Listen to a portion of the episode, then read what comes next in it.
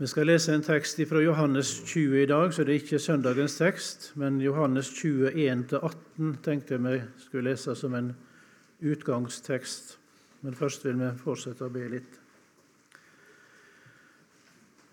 Jesus, vi ber igjen om at du vil være nær oss ved din ånd og levendegjøre ordet for oss og legge det inn på vårt hjerte og gi at det kunne bli oss til liv, til trøst og til fred. Amen.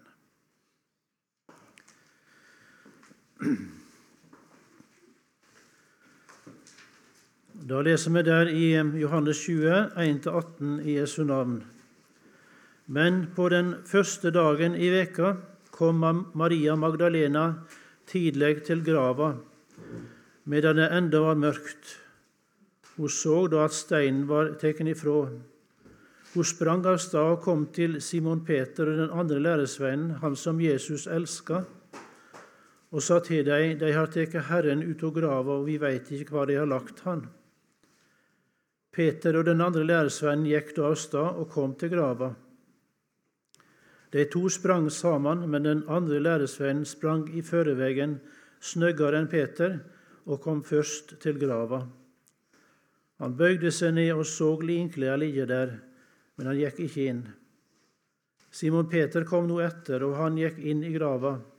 Han så linklærne som lå der, og at svetteduken som hadde vært over hovedet hans, ikke lå sammen med linklærne, men var lagt sammen på en stad for seg. Da gikk den andre læresveinen òg inn, han som var kommet først til grava, og han så og trodde. For enda hadde de ikke skjøna Skrifta, at han skulle stå opp fra de døde. Læresvennene gikk så heim til seg sjølve att, men Maria stod utenfor, utenfor attmed grava og gret. Som hun sto der og gret, bøyde hun seg ned og så inn i grava.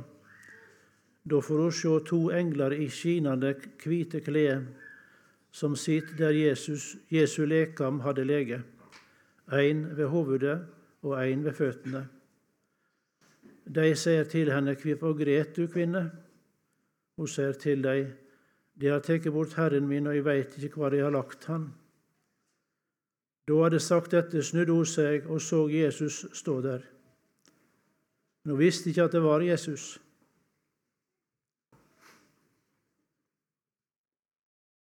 Jesus sier til henne, Hvorfor gret du, kvinne? Hvem leiter du etter? Hun trodde det var han som vakta hagen, og sa til han, Herre, dersom du har, har båret han bort, si meg dere hva du har lagt han, så vil jeg ta han. Jesus sier til henne, Maria. Da snur hun seg og sier til ham på hebraisk, Rabuni. Det tyr meister. Jesus sier til henne, rør meg ikke, for ennå har jeg ikke fara opp til Faderen, men gå til brødrene mine og si til dem, jeg fer opp til min far og dykkar far, min Gud og dykkar Gud. Maria Magdalena kommer og sier til læresvennene, jeg har sett Herren, og fortalte hva han hadde sagt til henne.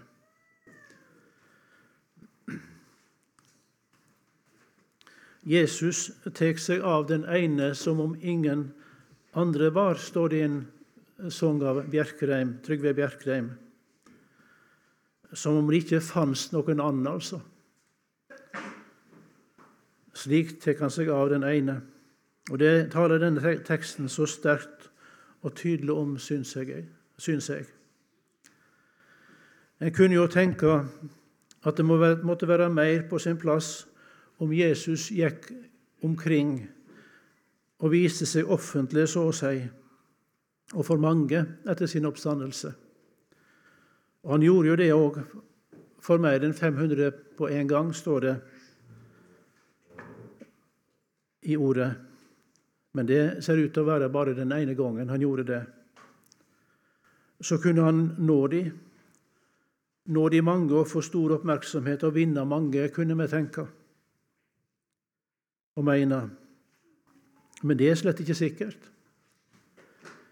Ja, knapt nok vil det skje, for ordet taler annerledes om den sak. Vi husker fra samtalen mellom den rike mannen og Abraham i Lukas 16. Den rike mannen hadde havna i fortapelsen. Og så ber han Abraham om å sende Lasarus for å advare brødrene til den rike mannen, så ikke de òg skal komme til denne pinestaden, som det står, og som han sier. Og så står det i Lukas 16, vers 29 eh, 31. Men Abraham sier til han, De har Moses og profetene, latt dei høre deg. Men han sa nei, far Abraham, men kjem det noen til deg fra de døde, da vil de vende om. Men Abraham sa til han, hører de ikke Moses og profetene? Da vil de heller ikke la seg overtyde om noen står opp fra de døde. Lat de høre deg, sa Abraham. Lat de høre ordet, altså, betyr det. Vi ser jo det samme i det som skjedde med de religiøse lederne på påskedagsmorgen. De som hadde sittet vakt ved grava, de kom skrekkslagne inn og fortalte om det de hadde sett. Men øversteprestene bøyde seg ikke i audmjuk tru av den grunn. Nei, de fortsatte sin vonde vei og ba vaktmennene sette ut onde rykter om at læresvennene hadde stjålet Jesu legeme. De fornekta oppstandelsen, selv om det var all mulig grunn til å tro det som disse øyenvitnene fortalte. De kom jo skrekkslagne tilbake, står det. De kom altså ikke til tro, selv om Jesus hadde stått opp fra de døde. Det virka ikke sånn på dem. For Jesus han søker å vinne hjertene ved sitt ord og ved sin ånd. Og Disse hadde fått hørt ordet, men de hadde ikke bøyd seg for det. Og Det hjalp det heller ikke om, om de så en stå opp fra de døde. Det hjelper ikke med ytre omstendigheter eller sensasjoner hvis en ikke bøyer seg for ordet og tar imot ordet om så det skulle være oppstandelse fra de døde. Og fordi det er hjertene han vil nå Jesus og komme inn i, det enkelte hjertet, så tror jeg det er rett å si at han fer stille fram. Det syns jeg vi ser i Skriften. Han bryter seg ikke fra han, han brauter ikke. Han kommer ikke med ståk og høy lyd, for å si det sånn, eller larm. Og Derfor tenker jeg, for å skyte inn det, passer ikke med, med, med ståk og larm der Guds folk møtes, og der vi ber om at Guds ånd må få virke iblant oss. Det passer ikke, det. Enten det er larmende musikk eller andre virkemidler som tar oppmerksomheten bort ifra Han som går stille fram, og som banker så varlig på hjertedøra. Han skal ikke skrike og ikke rope. Han skal ikke la røysta si høyre på gata, står det i Messias-profetien i Jesaja 40, vers 2. Og så står det i vers 3.: Det bråtne røyret skal han ikke knuse, og den rykende veiken skal han ikke sløkkja. I sanning skal han føre retten ut til deg. Jeg syns det sier oss at han som sier om seg sjøl at han er mild og mjuk av hjerte, Matteus 11, han går òg mildt og stille fram når han søker å nå menneskehjertene. Enten det nå gjelder å vinne ei ny sjel, eller det å nå inn til sine med sin fred eller med noe som vi taler med dem om, så går han stille fram. Og så kan det òg være noe å tenke på for oss, for oss vi som så ofte er opptatt av de mange, om det kommer mange, eller om vi kan nå mange, osv., eller om det er fint og stort, det vi holder på med.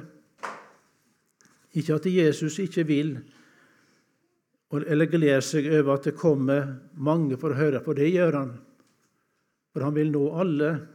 Han vil at alle skal bli frelst, står det. Men det avgjørende er ikke at vi samler oss mange, men at Jesus får nå den enkelte sitt hjerte. For Jesus tar seg av den ene som om ingen andre var, siterte vi fra sangen. Men det, det, var nok Jesu venner, de truende, jeg tenkte mest på når det gjelder dette at Jesus har så omsorg for den ene. For det er forunderlig, syns jeg, å se i denne teksten om Maria som jeg leste fra Johannes 20, hvor himmelen mobiliserer for én en enkelt kristen. Tenk på det, om du kunne si det sånn. For én en enkelt kristen som er i nød. To engler blir sendt for hennes skyld, og Jesus sjøl kommer til henne i nøden. Og Nå kan en jo si at det var spesielt nødvendig for Jesu venner at han åpenbarte seg for dem etter oppstandelsen. De var i stor nau og forvirring, ja, i djup sorg, leser vi. For enda hadde de ikke skjønna Skrifta, at han skulle stå opp fra de døde, som det sto i vers 9. Eller som Emmaus-vandrerne sier det i Lukas 24, 21. Men vi vona at han var den som skulle forløse Israel. Og nå er det alt tredje dagen siden dette hendte, altså at Jesus ble korsfesta og døde. De hadde håpa, men håpet hadde brostet. Så det er ikke til å undres over at de var i særlig behov for at Jesus åpenbarte seg for dem. Både læresvennene og Jesu venner ellers, slik som Maria her. Men selv om disse var førstehåndsvitner og fikk en helt spesiell oppgave om å bære Guds ord videre, så er likevel den nøden de hadde i disse dagene, ei felles kristen erfaring som mange truende kommer inn i i større eller mindre grad. At Jesus blir borte for dem. Og så skal også den kjensgjerning og den trøst at Jesus ikke er langt borte fra den som er i sorg. Det skal komme den anfekta til gode å komme på det og se det, at Jesus kommer når hans time er inne. Den trøst skal en få lov til å ha, selv om en må tenke at disse var i en spesiell situasjon. Jeg syns det er som om all oppmerksomheten er retta mot Maria her. Ei enkel kvinne som Jesus hadde fått gitt så mye. Ja, det er som om det ingen andre var, ingen andre fantes, for å bruke Bjerkreim sine ord igjen. Det er som en deilig gjenforening som blir forberedt. To som har grått av lengsel etter hverandre, skal snart få finne hverandre igjen i gjensidig glede og kjærlighet. Det står jo ikke at Jesus gret, men skal tru om han ikke gjør det når barna hans er i sorg. Jeg tror det. Vi ser det ved Lasarus' grav, at Jesus gråt. Han følte med sine barn, kjente på sorg. Og han lengta òg etter den gjenforening som vi ser skjer her. Og Det står i Hebreerne 4,15.: For vi har ikke en øversteprest som ikke kan ha medynk med vår veikskap, men en som er prøvd i alt på samme måten som vi, men uten synd. Men så er det òg ei djup glede, tror jeg, i Jesu medfølelse med sine, sammen med denne lengselen. Og den har sin grunn i den visshet han har, at sorga deres skal bli vendt til glede. Først når han kommer til dem i sin åpenbaring her på jord, slik som han gjorde med Maria nå, og så i den evige salighet i himmelen. Og Så hører vi òg om to av de tjenende åndene som blir sendt ut til tjeneste for de som skal arve frelse, slik som det står om englene i Hebreerne 1,14. Nå var de sendt ut for Marias skyld, for himmelen så at hun trengte. De var der ikke når Peter og Johannes var inne i grava. Iallfall så står det ikke noe om det. De så ikke engler så langt som jeg kan lese ut fra den teksten her, iallfall. Men da Maria i sin gråt bøyde seg inn for å se inn i grava, så får hun se to engler i skinende hvite klær som sitt der Jesu lekam hadde lege, én ved hovedet og én ved føttene, står det i teksten vår. Tenk hvor nøyaktig Skriften er. Én ved hovedet og én ved føttene. Og Maria sin gråt den stilner ikke ved syn av englene, men det er grunn til å anta, syns jeg iallfall, at hun har fornemma at det besøket fra himmelen hun har fått, for hun legger sin nød framfor dem på deres spørsmål om hvorfor hun gret. Det gjorde hun ikke for han som hun trodde var hagevakteren. Nei, for han regna hun for å være et menneske som en kan kreve til ansvar Den som er fra himmelen, kan ikke klandres for noe, kan ikke kreves ansvar for noe. For de er jo kommet for å hjelpe. De er sendt ut til tjeneste for de som skal arve frelse, leste vi. Det er bare godt, det som er fra himmelen. Bare godt. Så får Maria vendt blikket i rett retning etter møtet med englene og etter at hun har fått lagt sin nød framfor dem. Det står ikke direkte at det var englene som fikk vendt blikket hennes i rett retning. Men det er iallfall sånn at noe bedre hjelp enn å vende blikket mot Jesus kan ikke de tjenende åndene gi til de som skal arve frelse. For i det blikket er det frelse og de gir fred og glede for et Guds barn, slik som for Maria her, når Jesus åpenbarer seg for henne. Og hun kjenner han igjen, og alt er godt. Du kommer, Jesus, til meg inn, og så er solen tent, sto det i sangen som jeg sang.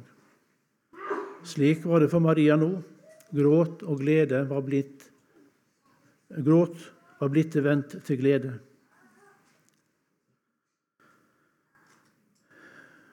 Ja, sånn fikk Maria oppleve det. Hun fikk møte sin kjære frelser igjen, og så ble hun glad. Men jeg sier du kanskje, eller jeg sier det, jeg syns jeg ser så lite og får glede meg så lite i evangeliet.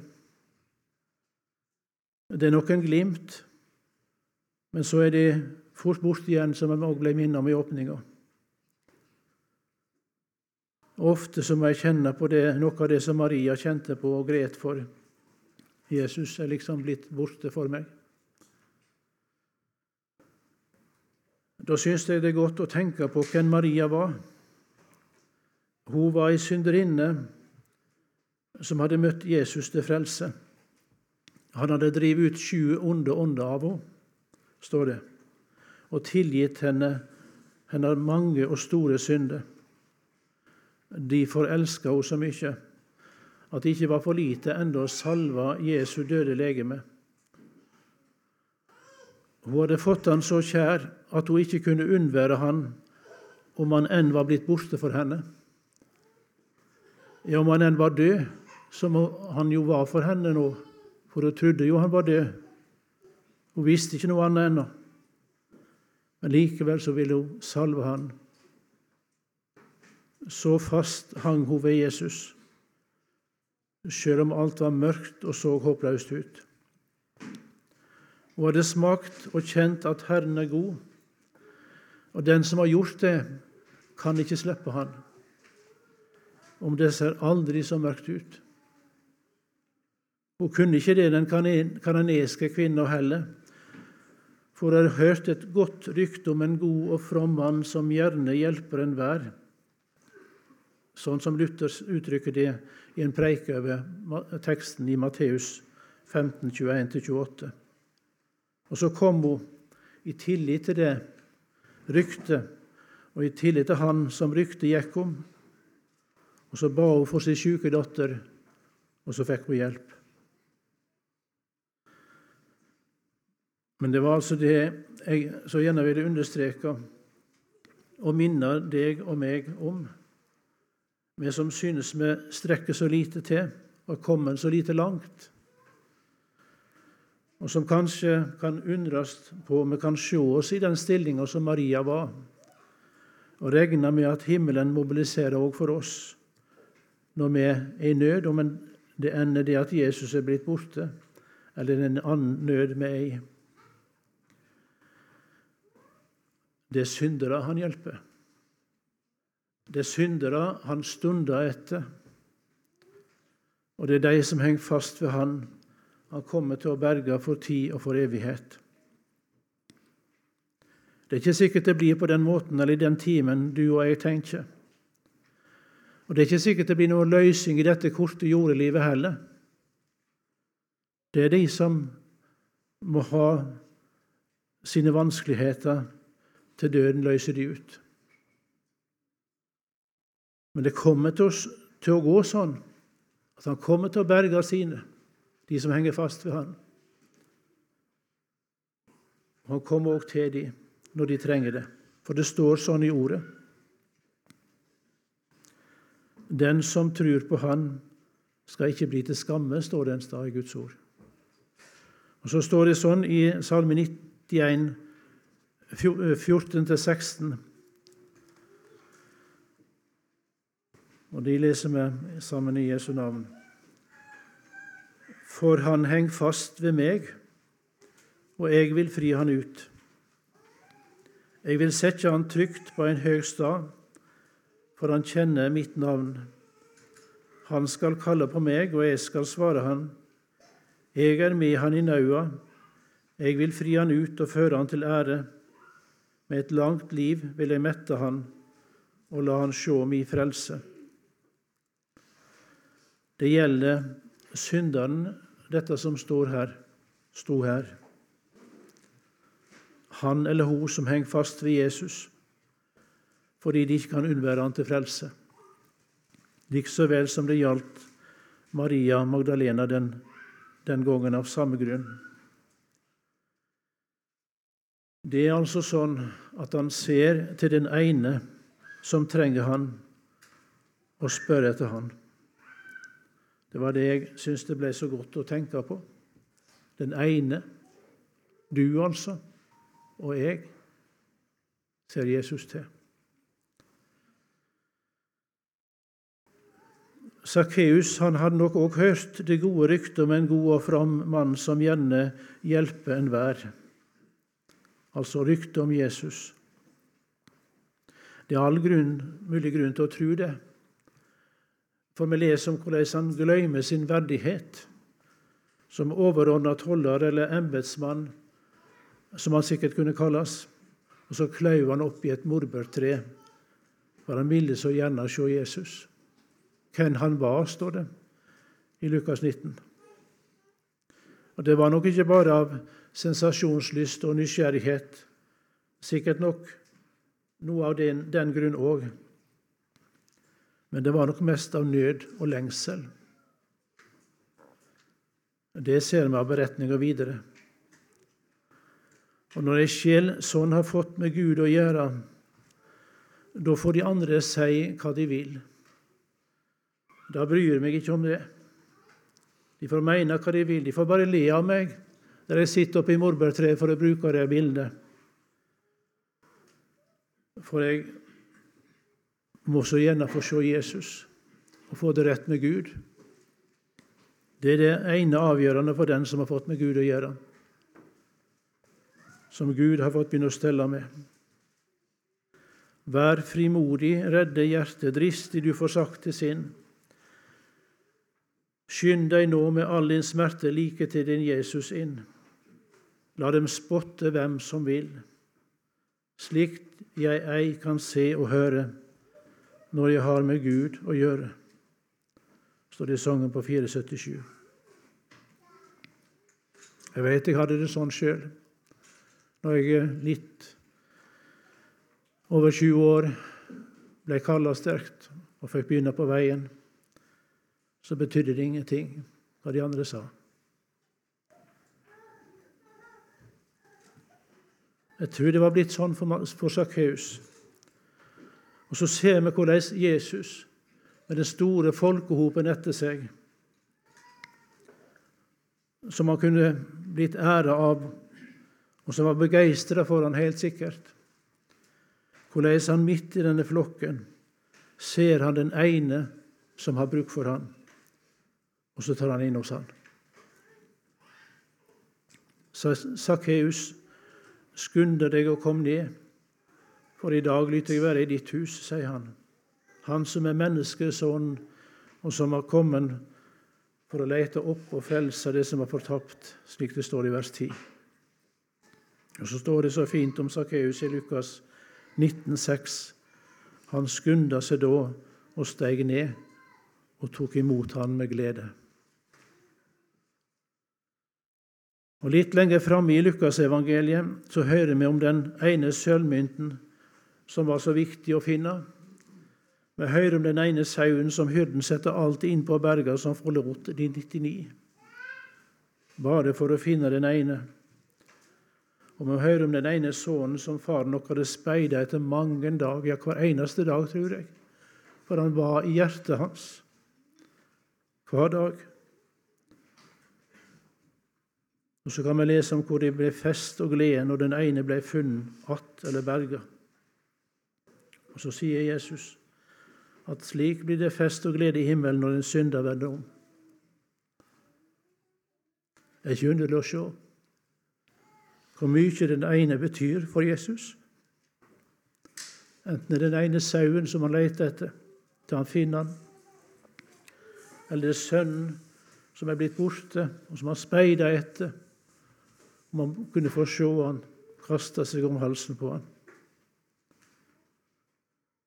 Han tek seg av den ene til frelse, som en Sakkeus eller som kvinna ved Sykars brønn.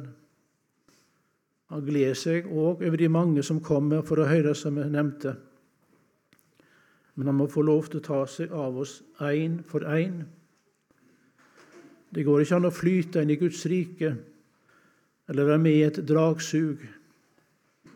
Jesus må inn i den enkelte sitt hjerte, og det vil han så gjerne.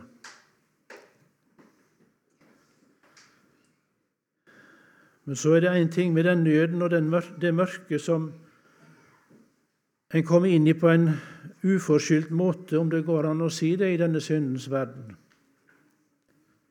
Det kan være ulykke, sykdom, død som rammer så hardt. Eller det kan være anfektelsens mørke som så å si blir kasta over en, uten at en kan se at den som blir rammet, er skyld i det sjøl. Slik var det jo for Maria Magdalena. Slik var det for Martha og Maria i Betania når Lasarus ble sjuk og døde, og de måtte vente så lenge på Jesus. Og slik var det for Jobb i denne veldige lidelsen som han kom inn i et mørke og en lidelse som gudsbarnet på en måte blir ført inn i, og som fører så mange spørsmål med seg. Enda verre, tror jeg vi kan si med det mørke, er det som en sjøl er skyld i. At det er min synd, mitt fall, som har mye, kanskje all skylda for nøden. Vi hørte om det i et vitnesbyrd i går at Jesus tilgir all synd, også den som vi gjør med velberådd hu. Overtredelsen. Sånn var det jo for Peter, må vi tenke. Enda situasjonen ble fryktelig vanskelig for han, det må vi skjønne. Det han gikk og hadde det så vondt for sitt fall og sitt svik. Mon Jesus vil han noe med meg å gjøre nå? Tenk deg nok. I fristelsens stund og i fallet så ber han for sitt barn. Og bønna er framfor alt at ikke trua må svikte. At han ikke må komme bort ifra Jesus, altså. Og så søker han Peters blikk der i øversteprestens gård med det blikk som avslører synden og jager angeren inn i sinn og hjerte. men som samtidig viser veien inn til fristaden. Det er ikke noe synd kan fordømme lenger. Og der er frelst og fri. Og så den helt personlige hilsinga til Peter etter oppstandelsen. Gå og si til læresvennene hans og til Peter. Han går i førevegen for dykk til Galilea. Det var det budskapet engelen i grava hadde blitt sendt med. Det var nøye tilmålt etter behov, for Jesus visste at Peter trengte det så sårt. Han som tar seg av den ene som om ingen andre var. Slik som Peter hadde det, så var han nok blitt en av de som må nødast inn, slik som det står om noen i beretning om det store gjestebudet i Lukas 14. Det er de som kjenner seg så uverdige, og som ikke riktig kan tro og forstå at innbydelsen til å være med i himmelriket gjelder dem. De må det nøde inn, sier Jesus til tjenerne sine. Ikke med tvang, men med evangeliet. De må nøde det inn med evangeliet. Og hvor Jesus tar seg av den ene, og framfor alt en fallen disippel, en mislykka kristen. Han knuser ikke det brotne røret og sløkker ikke den rykende veiken, men han fører retten ut til deg, sto det i det som jeg leste fra Jesaja. For det er sånne kår det er i Guds rike. En får av synd med nåde. Så forunderlig det en kan høres, så er det sanninga. Som vi aldri må miste. Og så tror jeg at Jesus har spesiell omsorg og hjerte for den som av en eller annen grunn er ensom eller utenfor. Noen blir ensomme, har sorg og bekymringer fordi han eller hun har mista noen som var så umistelig for dem. Enker, enker og farløse er nevnt spesielt i Guds ord. De skal Herren hjelpe til dere rett, står det i 5. Mosebok 10,18. Og i Jakob 1,27 så står det sånn Men ei rein og usmitta gudsdyrking for Gud og Faderen er dette å sjå til farløse og enkjer i deira nau, og å halde seg uflekka av verda. Og så er det noen som er utenfor fordi de ikke har noe å gi igjen. Og så blir de gjerne ikke bedt av den grunn. Blitt med i det gode selskap. Jesus er i et selskap når han forteller beretning om det store gjestebudet i Lukas 14. Og Så sier han til verten at han nettopp skal be sånne som faller utenfor,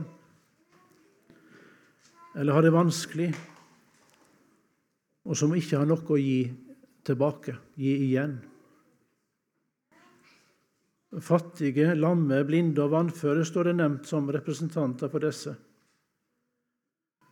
Men det gjelder naturligvis alle de som ikke regner med i det gode selskap. Jeg er redd for det kan bli sånn òg i en kristen flokk. At det er et selskap som er godt, for å si det sånn. Det gode selskap. En veit hva som ligger i det uttrykket der. Der ikke alle får være med. Det er så lett for oss, dessverre, å tenke på sitt eget bekvem. Men det står i Guds ord at hver en må ha for øye det som gagner de andre. Filippene 2,4. For Jesus, husk på det at han har øye for den som har det vanskelig. Og han tar seg av den ene som ingen andre var. Da skulle vi òg tenke sånn og hvor vi må be om å få se den ene. At ikke vi må være fornøyd med bare at vi har det greit sjøl, og så er det en eller ei som er utenfor eller glemt. Nå er det nok sånn at Vi er forskjellig utrustet til sånn tjeneste, og vi har vel hvert og vårt å bære på og streve med. Men at vi kunne få eie mer av denne nøden for den ene som Jesus har. Det står et vers i Salme 10, 14 som jeg syns hadde en bedre oversetning tidligere, i 1930-oversettelsen og revisjonen av den. Sånn som det står nå i første del av verset du har sett, du har sett det, for du ser ulykke og plage, og du tek det i di hand. Men i den eldre oversettelsen som sto det, du har sett det, for du skuer nød og sorg for å legge dem i din hånd. For å betyr med det formålet. Jeg syns det uttrykker Guds omsorg for den som er i nød, på en mye sterkere måte. Så må vi òg nevne mot slutten at Jesus bare ikke tar seg av den ene ved å gå inn i hans nød med trøst og hjelp. Det gjør han alltid. Men han sender nød òg. Og han sender sine inn i nøden. Han sender læresvennene sine i båten over Genesaret, og det ble en forferdelig vind. En forferdelig storm de måtte inn i. Det er en del av hans stell med den ene, det òg, og det òg er nåde. Det er den gode frelsers omsorg og frelsestanker. Det har sin grunn i de fredstanker som har med hver eneste menneskesjel. Jeg vil gi deg framtid og håp, står det i Jeremia 29, 29,11. Og det er framfor alt himmelen, det. Den evige saligheten hjemme hos Jesus. Og så må han da, for å få oss hjem dit, så må han gi oss en tilstoppa munn, eller han må bevare oss med en tilstoppa munn. Altså holde oss på synderplassen. For blir du selv fornøyet, har du selv alltid bøyet bort fra livets tid. Bare de som kjenner syndens nød, seg vender hen til nåden fri, står det i sangen. Og det er en stor nød, det, som vi må ha, skal vi bli bevart i nåden. Vi, siterte jo det fra Eritsland her om kvelden. Bare den som, som lever i omvendelse, kan holde fast på evangeliet.